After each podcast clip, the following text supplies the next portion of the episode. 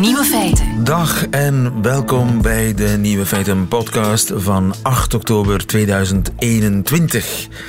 In het nieuws vandaag dat Chinese oma's minder dansen dan vroeger. Iedere ochtend en late namiddag, zo wil de traditie, verzamelen oma's over heel China zich in parken en op pleinen om samen te dansen. Met z'n 100 miljoen zijn ze in totaal. En natuurlijk hoort daar ook muziek bij. En dat is het probleem.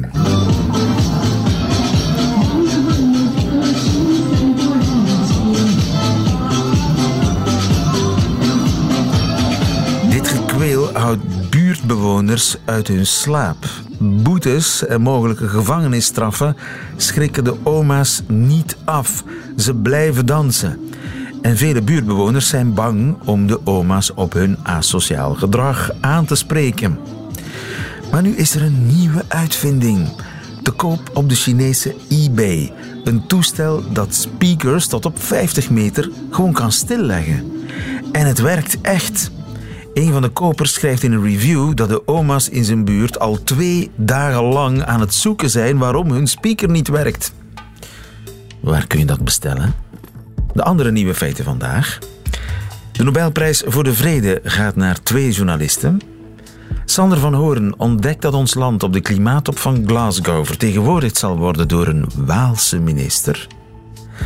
Studenten in Gent bouwen zelf een zelfrijdende raceauto. En in China krijgen multinationals zoals Coca-Cola en Apple een speciale Chinese vertaling. De nieuwe feiten van Hugo Matthijssen die hoort u in zijn middagjournaal. Veel plezier.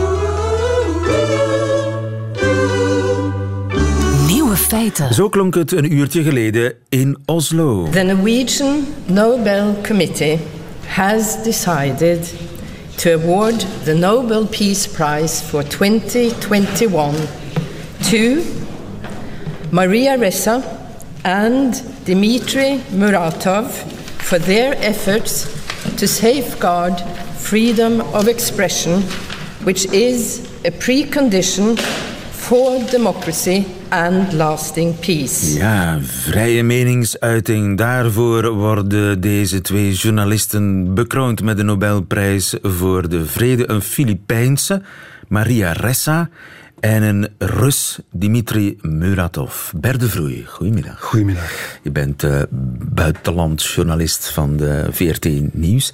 Wie zijn die mensen?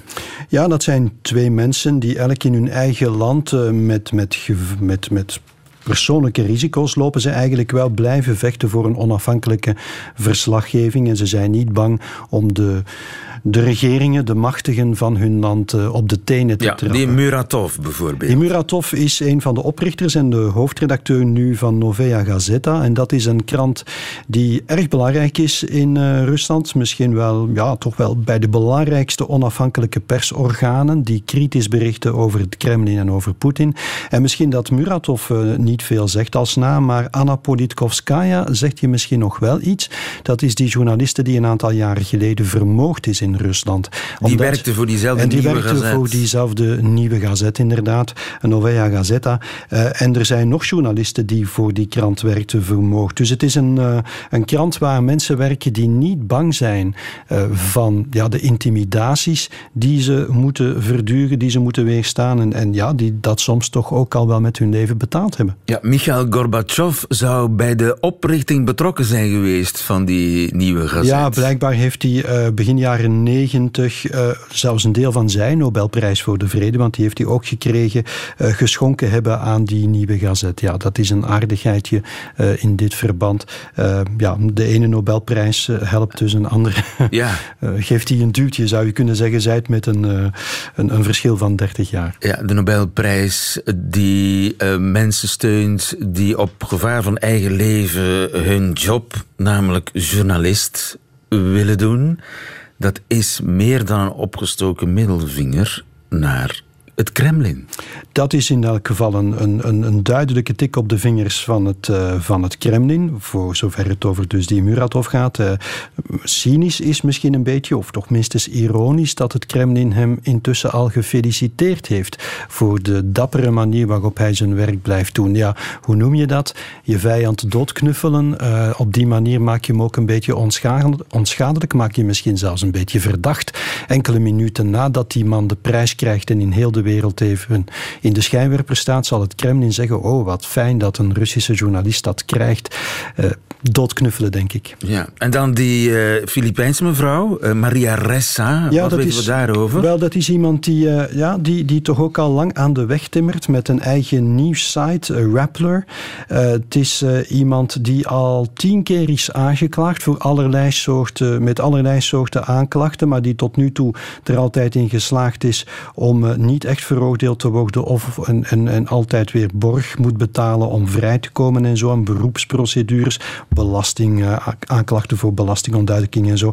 Maar naar eigen zeggen, en dat is toch ook wel, neem ik aan, dan de perceptie van het Nobelprijscomité, gaat het altijd om pesterijen. Valse of, of heel ja, flauwe aanklachten die uiteindelijk tot niks leiden, maar bedoeld om haar te doen stoppen, wat ze duidelijk niet van plan is. Want ook zij schrijft over corruptie in de Filipijnen. Uh, zij schrijft over mensenrechten schendingen, bijvoorbeeld de campagne van een aantal jaar geleden. Dat weet je misschien nog toen uh, president Duterte drugsverslaafden heel hard liet aanpakken en er eigenlijk heel veel liet vermoorden. Dat is ook een thema waar zij op gewerkt heeft. Ja, de Nobelprijs voor de Vrede gaat naar de journalistiek. Absoluut. Dit zijn eigenlijk.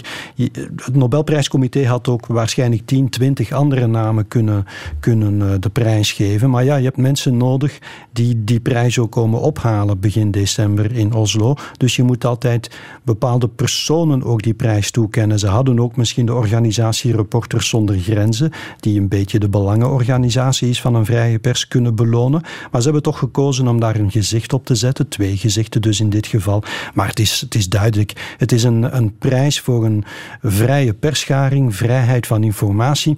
En ook, en dat hebben ze ook duidelijk gezegd, het gaat niet alleen om de bedreigingen die journalisten moeten weerstaan van autocratische regimes, maar ook ja, de, de bedreiging die eruit gaat van fake news. Dat heeft het Nobelprijscomité duidelijk gezegd. Want fake news ja, ondermijnt eigenlijk ook de het vertrouwen in de vrije pers en ondermijnt dus eigenlijk ook de vrije pers, omdat mensen nog moeilijk het onderscheid gaan kunnen maken. En dat is ook een van de thema's trouwens waar Maria Ressa hard op werkt. Dus het is een tweevoudige bedreiging die, die, die beide zijn genoemd door het Nobelprijscomité.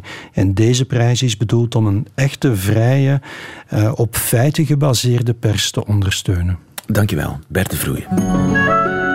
Nieuwe feiten. King. Het spannendste en langstlopende feuilleton in dit programma. Goedemiddag, Sander van Horen. Ah, lieve. De NOS-man in Brussel, die de voorbije jaren met stijgende verbazing ons land ontdekt en daarover verslag komt uitbrengen in Nieuwe Feiten elke keer op vrijdag. Nog steeds stijgende verbazing. Ja, eh, waarna hij onderworpen wordt aan de, de ergste quiz. Nog steeds stijgende kwelling.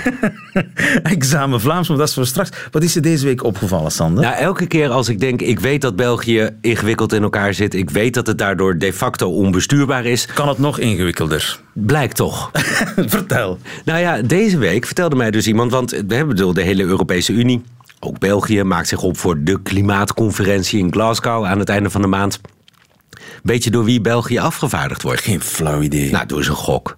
Uh, hoeveel ministers hebben die? Zeven. Ah, Oké, er zijn zeven ministers verantwoordelijk. Voor milieu. Voor milieu, dus één van die zeven gaat naar die top. Maar niet de federale. Hè? Nee, want dat schijnt dus te roleren. Oké. Ja, dus uh, elke keer is een Leer andere, mij eens iets nieuws over elke ons land. keer is een andere minister verantwoordelijk. En nu, nu heb ik me dus laten vertellen dat uh, de afgevaardigde voor de uh, top in Glasgow, dat is de Waalse milieuminister. Dat is een beetje zoals het Eurovisie Songfestival. Het ene jaar is het, zijn het de Walen, de andere jaar zijn het de Vlamingen. En in dat geval degene die vorig jaar gewonnen heeft op een of andere manier als milieuminister, die mag daar... Nee, dus dat roleert gewoon. Maar ja, oké. Okay Eh, Hoe verzin je het? Ik bedoel, ik was op de Europese Raad, de top van regeringsleiders in eh, Slovenië. En ah, dat was heel gezellig. En de beveiliging was een lachertje. Dus we stonden tussen de delegaties. Aan het einde van dinsdagavond, het diner was afgelopen. Ik botste tegen Viktor Orban aan en ik hoefde mijn armen uit te steken. En ik raakte Rudy Vervoort aan. Rudy Vervoort Nou ja, was moet je dus voorstellen dat dat ook roleert. Dus dat een top van regeringsleiders, het was natuurlijk Alexander de Croo. Maar stel nou dat dan opeens de Brusselse premier aan de beurt is en Rudy Vervoort daar namens België. Hij- Vooral duidelijk, hij was daar niet. Nee, natuurlijk maar niet. het had, had volgens dezelfde logica, voor die, voor die, als je de logica op de klimaattop toepast, op die van regeringsleiders in Slovenië, dan Maar had daar daar wordt- eigenlijk net zo goed vervoerd kunnen zijn. Daar wordt kennelijk gezegd door jullie. Eh, het is toch wel handig als we daar dan de federale premier, de federale eerste minister naartoe sturen. Ook al Om omdat. niet in affronten te vallen. Bijvoorbeeld. Of om de continuïteit een beetje te eh, garanderen. Want Je wilt die- toch niet dat Mark Rutte zich moet richten tot ja, de, de burgemeester van Brussel, bij wijze van spreken? Nou ja, los daarvan. Ik bedoel, die burgemeester van Brussel, die doet dat dan even. En die is natuurlijk ter zake heel kundig. Maar Alexander de Croo, ja, die, die doet dat op meerdere fronten en al een tijd lang. Dus ja, daar is er iets voor te zeggen om het nationaal belang te dienen. Om dan je federale minister te sturen. Ben je erachter gekomen waarom de federale minister verantwoordelijk voor milieu niet naar de klimaattop in Glasgow Nee, gaat? en het erge is dat de, je, je kunt het ook nergens vinden. En ik bedoel, iedereen reageert een beetje zoals jij van, oh, is dat zo? Want kijk, het is wel bekend dat bij Europese raden de federale minister gaat.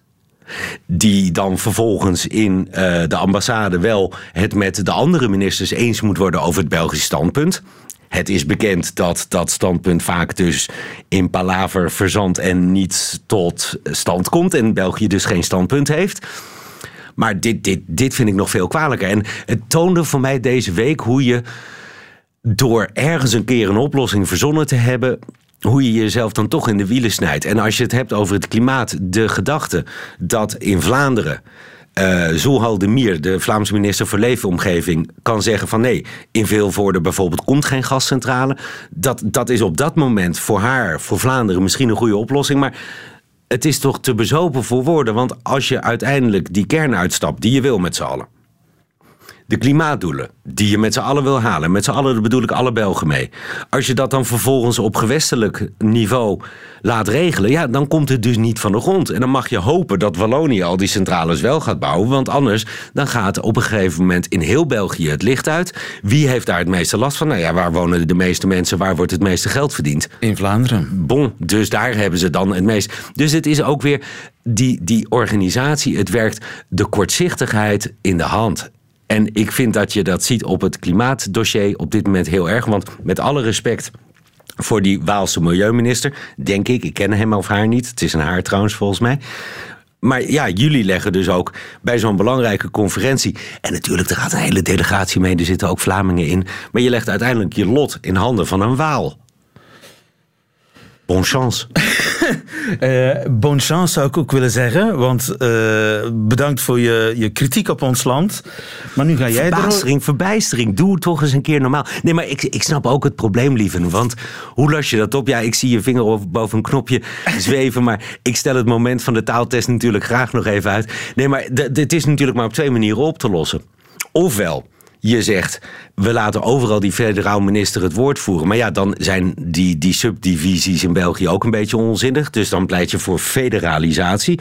Ofwel je zegt, nee, we sturen niet een of andere Waal naar Glasgow. Nee, we sturen onze eigen Vlaamse Zohal de Mier. Maar ja, dan moet je het land opsplitsen. En dat is in het kader van het klimaat ook weer een beetje belachelijk. Want de grenzen bestaan al niet binnen de Europese Unie. Laat staan binnen een entiteit als België. Ja, jij denkt om de- deze Belgische kwestie even in eh, twee seconden te kunnen oplossen. Goed, hè? Ja, zo Hollands.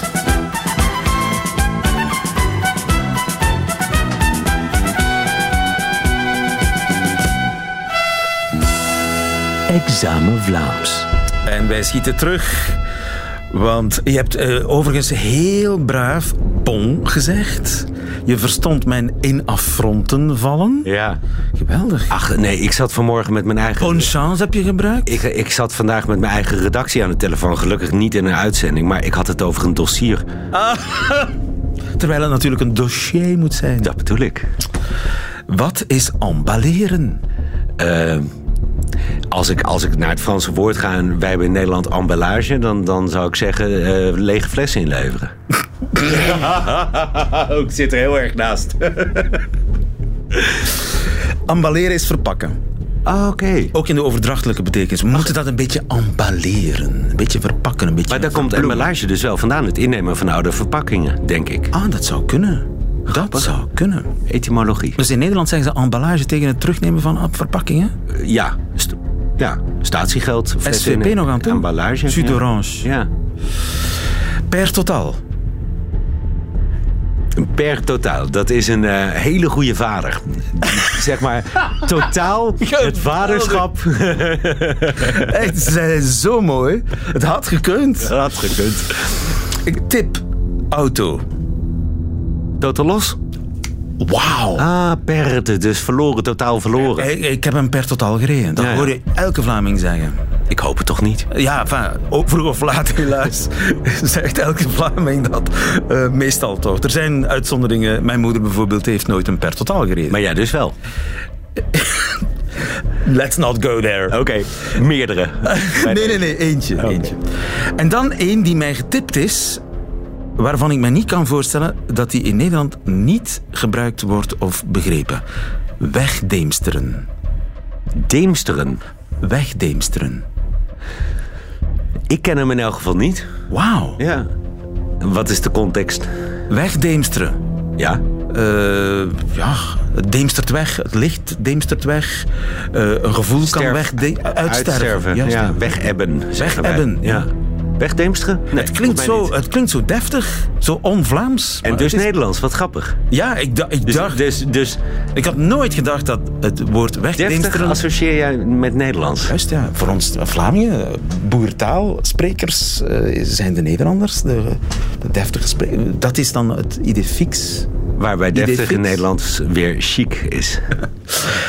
Sander van Hoorn, het, het- je hebt al slechter examen Vlaams uitgevoerd. Tot volgende week. Amai, amai. Amai, amai. Amai,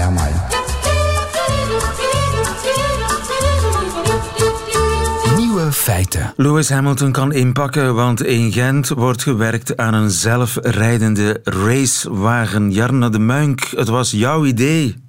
Ehm, ja, klopt. We zijn er eigenlijk ehm, een paar maanden geleden mee begonnen, samen met eh, Seneca. En eigenlijk vrij wat is dat? dan- Dus Seneca is eigenlijk de studentenvereniging voor studenten burgerlijk ingenieur, computerwetenschappen en elektrotechniek.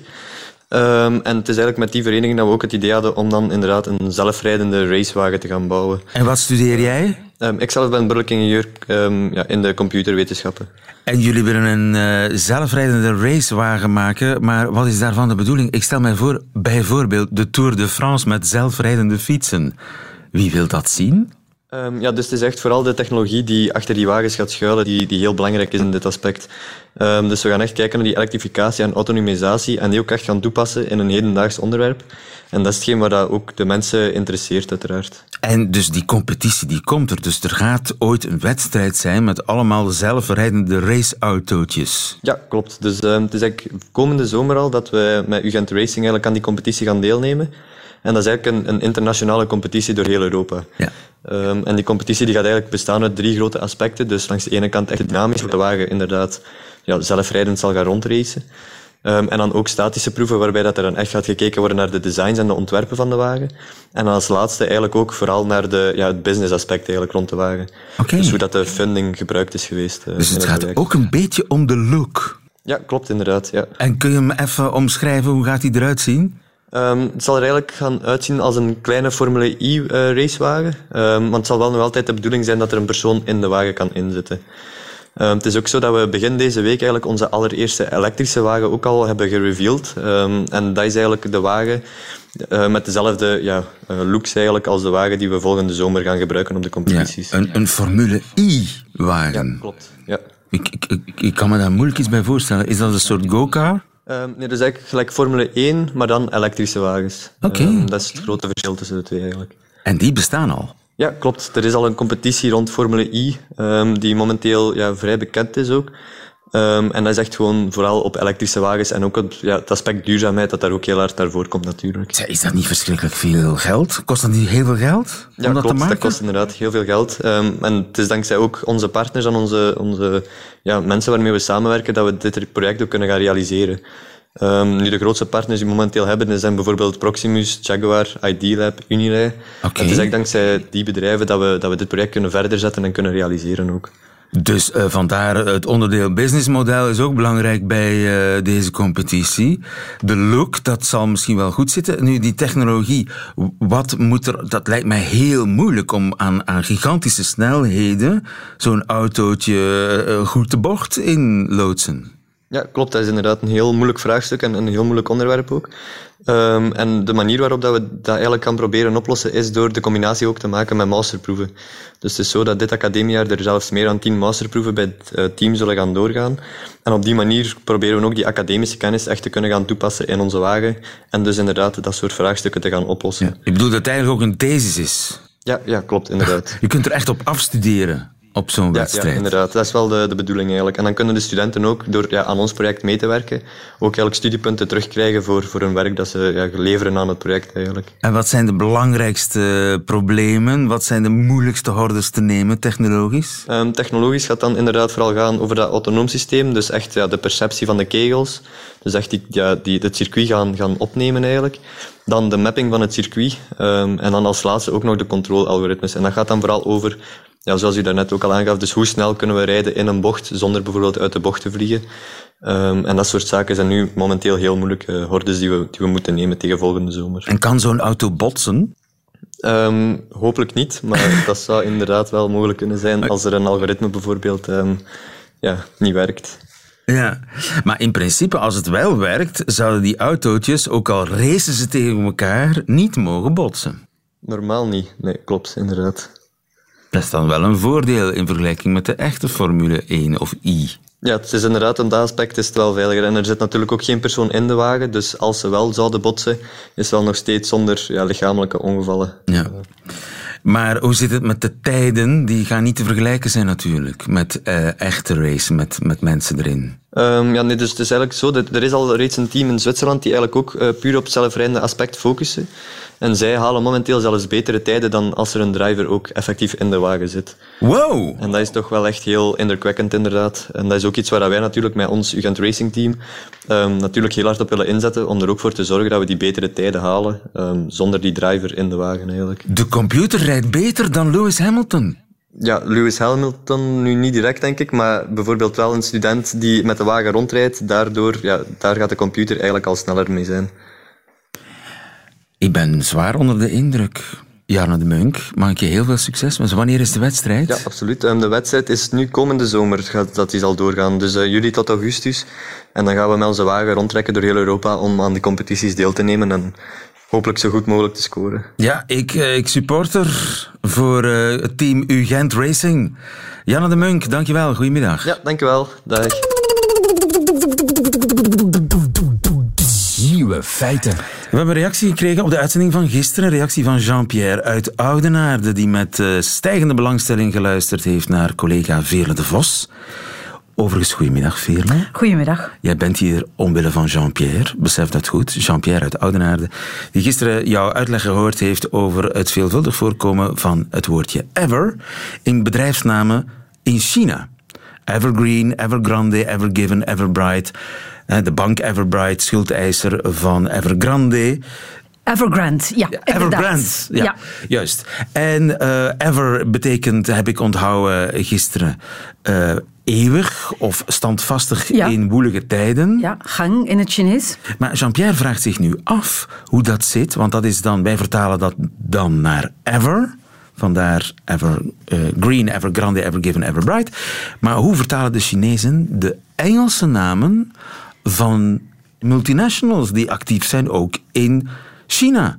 Denk aan uh, McDonald's, denk aan Coca-Cola, die toch ook uh, vestigingen hebben in Ja. China. Hoe heette die voor de Chinees? Goeie Ja. vraag, Jean-Pierre. Waarvoor dank? Hele goede vraag. Eh, er zijn verschillende manieren en eigenlijk is vertalen in en uit het Chinees een kunst. Er zijn mensen die alleen maar dat doen.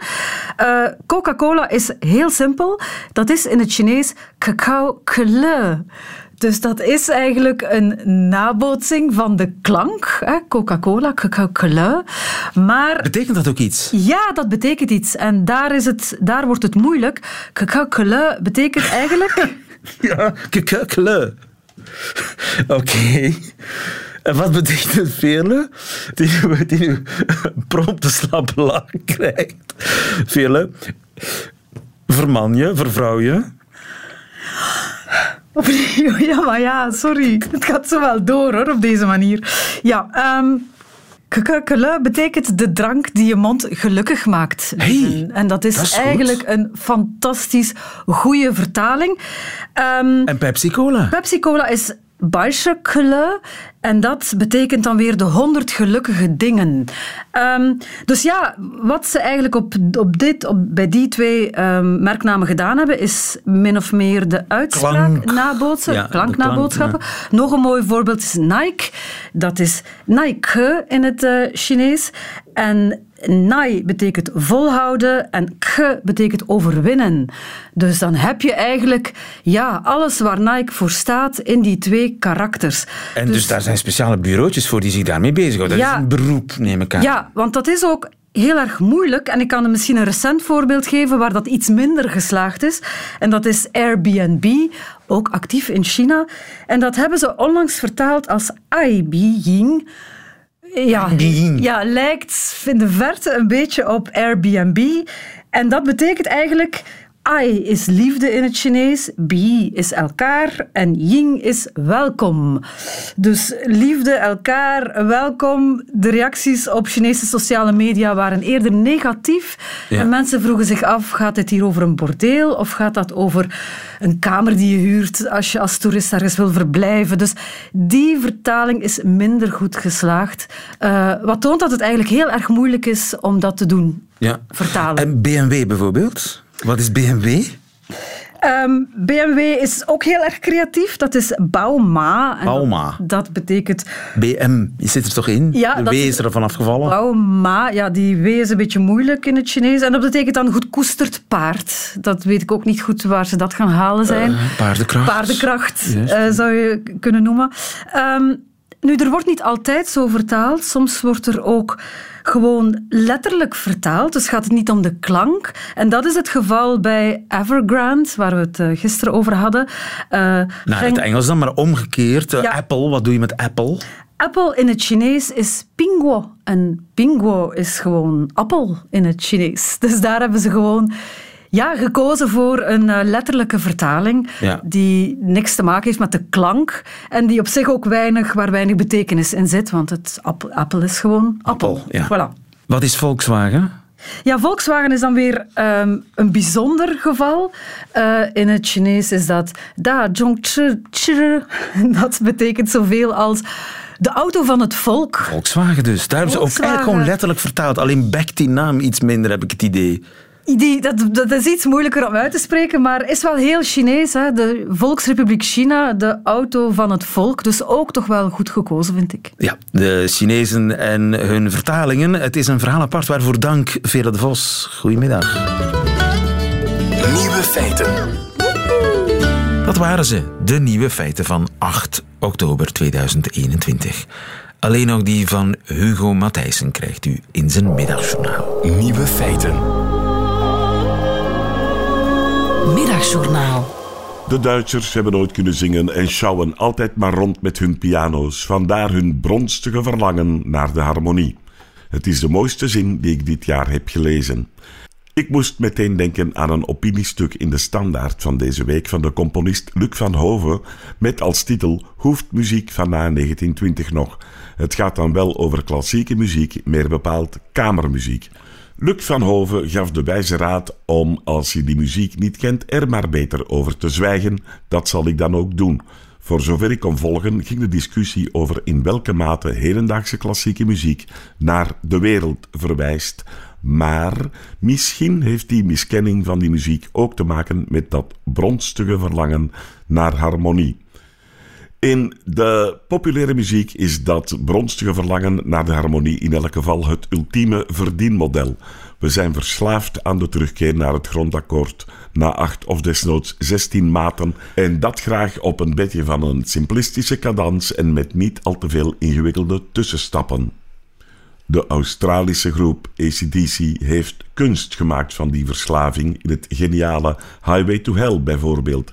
In dat nummer blijven ze het verlossende grondakkoord zo lang uitstellen dat de muzikoloog zich zou kunnen afvragen of die jongens wel beseffen dat ze een grondakkoord in huis hebben en dat dat niet die A is waarop ze de hele tijd staan te rammen en te krijsen.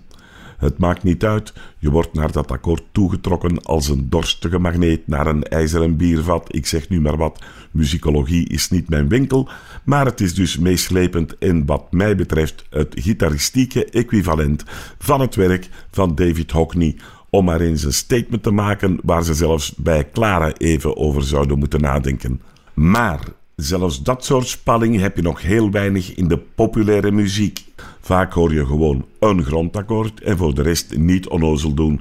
Een vierkante beat met wat variaties, daarop dan een hoop slecht rijmend gezeur vol zelfbeklag en tot slot nog flink wat galm eroverheen, want de producer moet zijn factuur tenslotte kunnen verantwoorden. Maar ligt u daar niet wakker van? Dit oude mannengezeur was slechts een alibi om die prachtige zin een keertje op de radio te krijgen. De Duitsers hebben nooit kunnen zingen en sjouwen altijd maar rond met hun piano's, vandaar hun bronstige verlangen naar de harmonie. Het zou kunnen dat die zin een steek in de richting van Richard Wagner was, maar een cultuurbarbaar als ik kan daar eigenlijk niks zinnigs over zeggen. Dank u wel.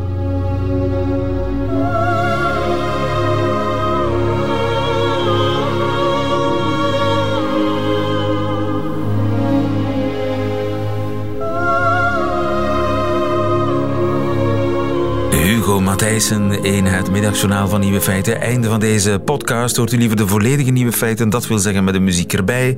De langere versie, zeg maar. Die kunt u altijd opvragen bij radio1.be of op de Radio 1 app. Tot een volgende keer.